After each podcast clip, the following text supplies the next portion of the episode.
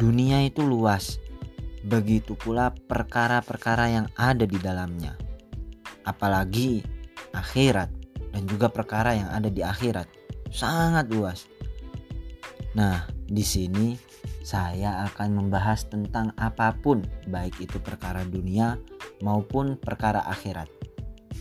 Jadi, nikmati saja.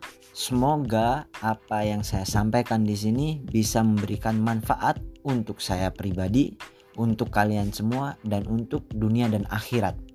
Semoga.